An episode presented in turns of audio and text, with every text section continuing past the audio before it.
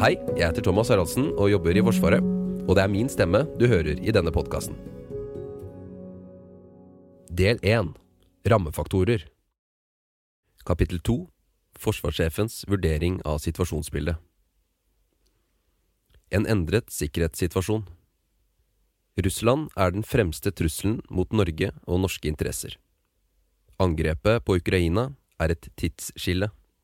Russland har gått til fullskala krig mot en av sine naboer, og angrepet har vist at Russland er villig til å bruke omfattende og folkerettsstridig militærmakt for å nå sine mål. Europeisk sikkerhet, den internasjonale rettsorden og våre demokratiske verdier er truet, og sannsynligheten for konflikt som involverer Norge, har økt. Arbeidet for å utvikle forsvarsevne må ta inn over seg at sikkerhetssituasjonen er vesentlig forandret. Det er behov for raske tiltak på flere områder. Konfrontasjonen mellom stormaktene blir langvarig. Rivalisering mellom demokratier og autoritære regimer preges i økende grad av maktbruk, ideologiske konfliktlinjer og blokkdannelser. Krigen i Ukraina er en del av dette bildet, og følgene av krigen vil bestå lenge etter at kamphandlingene er avsluttet. Kinas støtte til Russland er problematisk, de to landenes felles forsøk på å endre den regelbaserte internasjonale verdensorden utfordrer våre verdier og interesser. Russland har demonstrert sin manglende respekt for de internasjonale normer og de rettsprinsipper Norge som småstat er avhengig av. Samtidig gjør USAs nødvendige orientering mot Asia at USA i økende grad forventer at europeiske stater ivaretar mer av sin egen sikkerhet. Ved siden av en styrket norsk forsvarsevne blir alliansetilhørighet og forpliktende samarbeid med allierte og partnere helt avgjørende for norsk sikkerhetspolitikk. Økt strategisk betydning Den geostrategiske betydningen av nordområdene og Arktis har økt, og våre allierte har i dag mer omfattende og aktiv tilstedeværelse i våre nærområder enn tidligere. Det er av stor betydning at Forsvaret kan forme, koordinere og delta i den allierte aktiviteten. Norge har som maritim nasjon globale interesser innenfor et bredt spekter av maritime virksomheter. Norge er også en betydelig aktør på felt av strategisk interesse for andre stater, eksempelvis som energileverandør til Europa. Hendelsen med Nord Stream har synliggjort sårbarheten til undersjøisk infrastruktur, og viktigheten av å ha evne til å beskytte kritisk maritim infrastruktur. Norsk handlefrihet og sikkerhet er avhengig av at internasjonale konvensjoner og sedvaner for havet og havområdenes ressurser, herunder fri tilgang til havet som transportvei, består og blir respektert.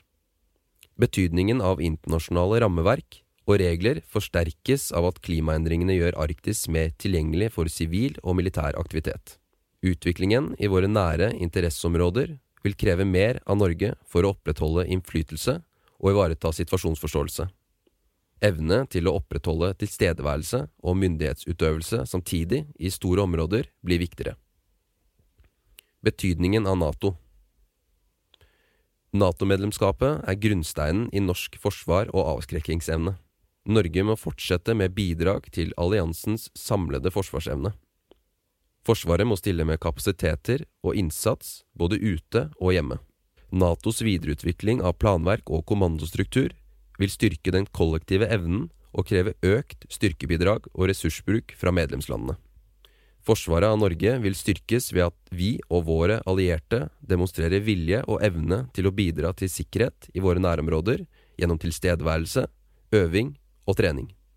Styrking av Natos kollektive evne vil bety at forventningene til Norges bidrag til alliansen øker, både regionalt og i hele Natos ansvarsområde. Viktigheten av det bilaterale samarbeidet med nære allierte vil også øke. Ny nordisk dynamikk Finsk og svensk Nato-medlemskap påvirker alliansens sikkerhet i nordområdene og Østersjøområdet positivt. Utvidelsen vil føre til en styrking av Natos evne til avskrekking og kollektiv forsvar i vår del av Europa, samtidig som medlemskapet åpner for et betydelig utvidet nordisk samarbeid innen forsvar og sikkerhet, står de nordiske landene overfor ulike militærstrategiske problemstillinger på enkelte områder. På lengre sikt vil Russland styrke sitt militære fotavtrykk i nord og i vest, men på kortere sikt er det usikkert hvordan Russlands aktivitet overfor de nordiske landene vil påvirkes av utvidelsen. Norges betydning som forsterkningsområde for nord vil øke. Allierte forsterkninger vil ikke lenger bare foregå til Norge, men også i transitt gjennom Norge til Sverige og Finland. Tilrettelegging for alliert tilstedeværelse og mottak i Norge vil gi økt sikkerhet og forsvarsevne både nasjonalt, i Norden og for alliansen som helhet. Russland bekymringsfull utvikling. Russland står overfor et uunngåelig makt- og generasjonsskifte.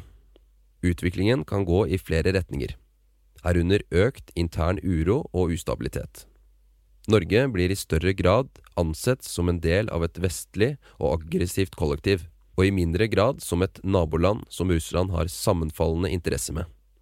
Behovet for strategisk dominans i Arktis ligger sentralt i Russlands forsvarstenkning, og i løpet av de neste tiårene kan Russland komme til å forlate ambisjonen om lavspenning i våre nærområder.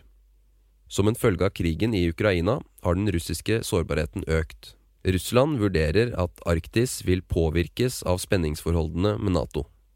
Russlands strategiske avhengighet og sensitivitet rundt basekomplekset på Kola øker, og de tradisjonelle militærstrategiske aspektene knyttet til Norges geografiske beliggenhet med hensyn til bastionforsvaret består. Utviklingen av avanserte undervannsbåter og langtrekkende presisjonsvåpen har styrket Russlands evne til å ramme strategisk viktige mål over hele Europa og allierte forsterkninger over Atlanterhavet. Svalbard får økende militærstrategisk verdi for Russland. Utviklingen betyr at Norges politiske og militære handlingsrom utfordres. Oppsummert øker risikoen for misforståelser og eskalering i nord. Russland vil ta med seg viktige lærdommer fra Ukraina. Prinsipper som overraskelse, dybde og hurtig forflytning vil fortsatt ligge til grunn for den russiske militærmaktens videreutvikling.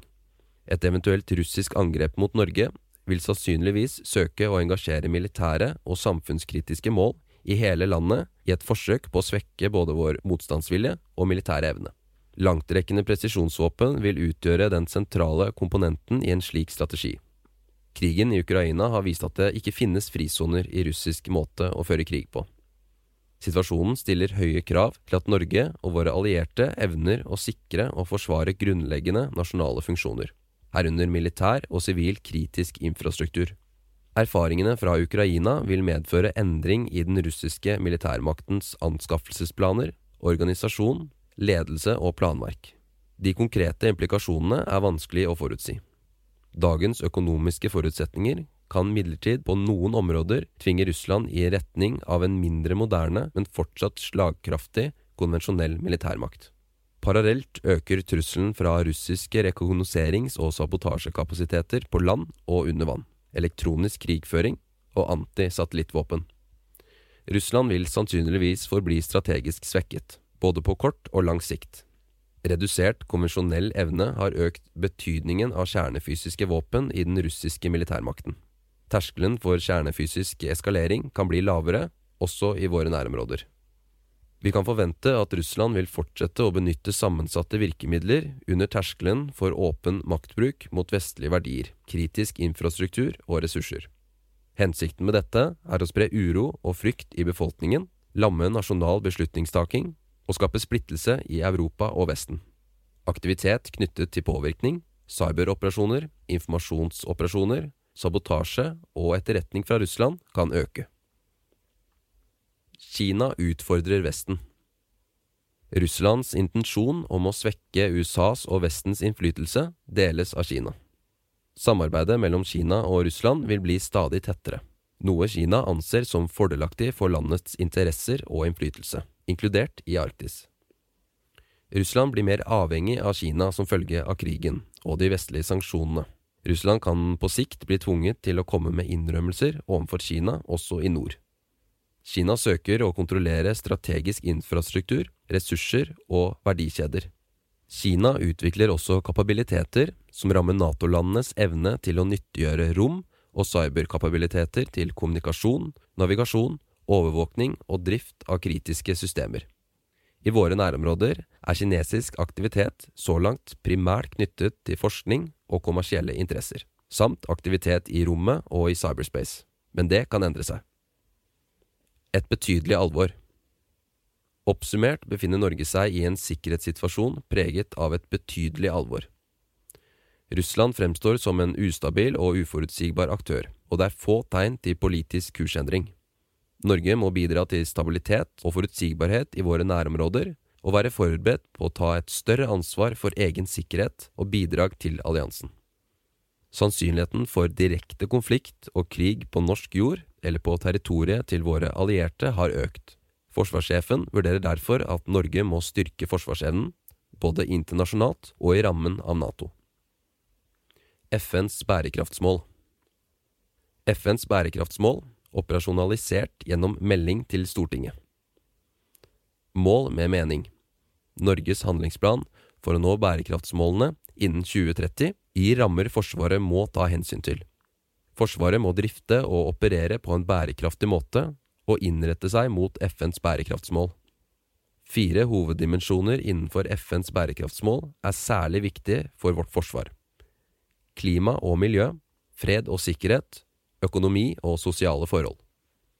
Klimaendringer representerer en alvorlig trussel for verdenssamfunnet, og Forsvaret må være forberedt på strengere miljøkrav. Et endret klima vil både påvirke trusselbildet og Forsvarets operasjoner.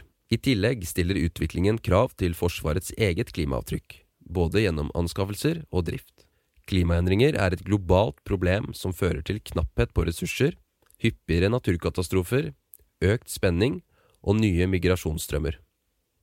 Forsvaret må være forberedt på å bistå sivilsamfunnet med ressurser til å håndtere mer ekstremvær som oversvømmelser, skogbranner og jordskred.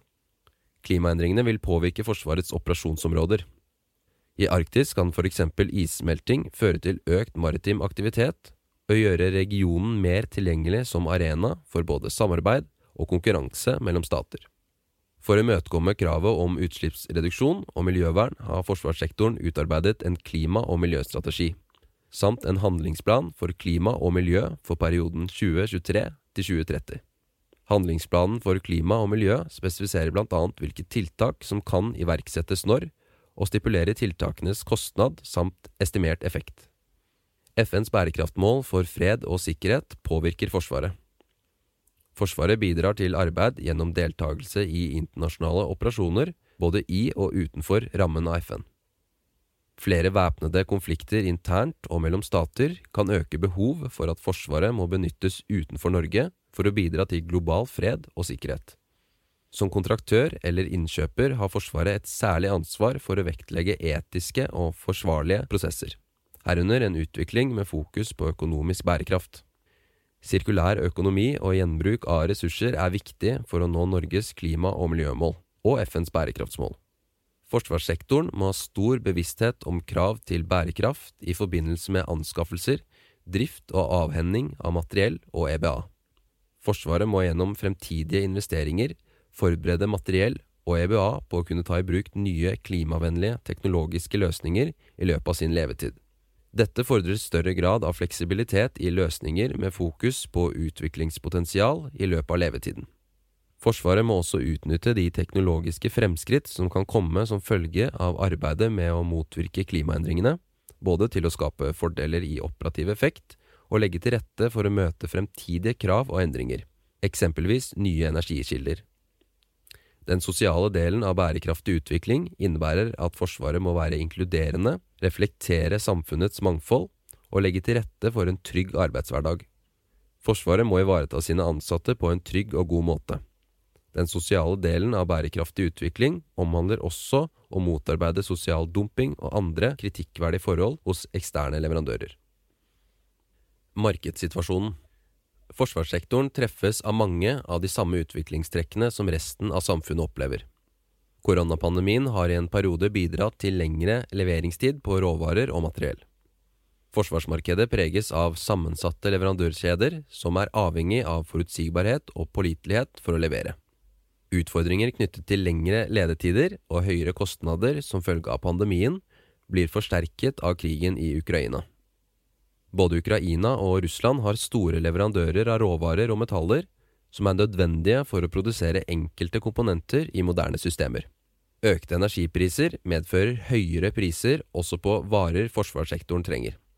Prissvingninger og leveranseutfordringer fører til kortere tidsfrister fra industrien, noe som gir redusert tid til egne beslutningsprosesser. Redusert tid til å beslutte medfører større økonomisk risiko enn tidligere. Utviklingen har skapt utfordringer for vår evne til å hurtig anskaffe materiell og ammunisjon. Markedssituasjonen forsterkes av at de fleste Nato-land investerer i mer militært materiell samtidig. Leverandørindustrien er ikke i stand til å respondere tilstrekkelig hurtig på den økte etterspørselen. Et relativt lavt produksjonsnivå i industrien over tid, særlig grunnet begrenset fokus på beredskapsbeholdninger nasjonalt og hos allierte, forsterker disse utfordringene. Produksjonskapasiteten vil avhenge av industriens evne til å oppskalere, noe som forutsetter et finansielt grunnlag. Forsvaret må ta høyde for lengre leveringstider. Teknologiske utviklingstrekk Et teknologisk oppdatert forsvar kan gi store fordeler på flere områder, både operativt og innenfor virksomhetsstyring. Den teknologiske utviklingen er rask og kan føre til at materiell og våpensystemer mister sin operative relevans om de ikke videreutvikles og oppdateres kontinuerlig. Samtidig drives utviklingen av fremvoksende og banebrytende teknologier i stadig større grad av sivil sektor, eksempelvis maskinlæring, kunstig intelligens, autonomi og stordata. Økende avhengighet av digitale tjenester og infrastruktur gir også større sårbarheter og skaper nye trusler. Rombaserte sensorer og kommunikasjonsinfrastruktur, langtrekkende presisjonsvåpen, nettverksstyrte våpen og ubemannede systemer vil gi militære styrker økt presisjon og rekkevidde. Nettverksløsninger som kobler sammen sensor, våpen og beslutningstaker raskere, vil gjøre det enklere å finne og engasjere mål på lang avstand og bidrar til å øke operasjonstempoet. De teknologiske forutsetningene for dette har vært til stede lenge, men Forsvaret har så langt ikke evnet å ta i bruk mulighetene fullt ut. Utviklingen innen maskinlæring og kunstig intelligens legger til rette for automatisering av enkelte prosesser, som igjen kan bidra til mer effektive beslutningsprosesser. Kvanteteknologien vil etter hvert kunne gi sikrere kommunikasjon og bedre sensorer. Utvikling innenfor det elektromagnetiske felt går også i retning av mer effektive systemer, f.eks. krigføring og høyenergivåpen. Vi vet i stor grad hvilket hovedmateriell Forsvaret vil ha de neste 10–20 årene. Forsvaret må kunne integrere ny teknologi trinnvis ved å ta den i bruk etter hvert som den blir moden. Ny og banebrytende teknologi må innføres til erstatning for tradisjonelle løsninger der det er hensiktsmessig. Teknologisk utvikling for rene militære formål vil fortsatt være viktig, men Forsvaret må bruke nyvinninger fra sivil teknologiutvikling. Samarbeid med sivil industri vil være sentralt. Den teknologiske utviklingen vil påvirke hvordan Forsvaret gjennomfører sine operasjoner og sin virksomhetsstyring. Utviklingen vil forme hvordan forsvarssektoren samhandler og organiseres. Moderne militære styrker er helt avhengig av digital teknologi, og effektiv anvending av informasjons- og kommunikasjonsteknologi, IKT, vil være en av de største driverne for økt operativ evne og virksomhetsstyring i årene som kommer. IKT er en premissgiver innen ledelse av moderne operasjoner og virksomhetsstyring. Teknologiutviklingen vil ha konsekvenser for kompetansebehovet i Forsvaret fremover.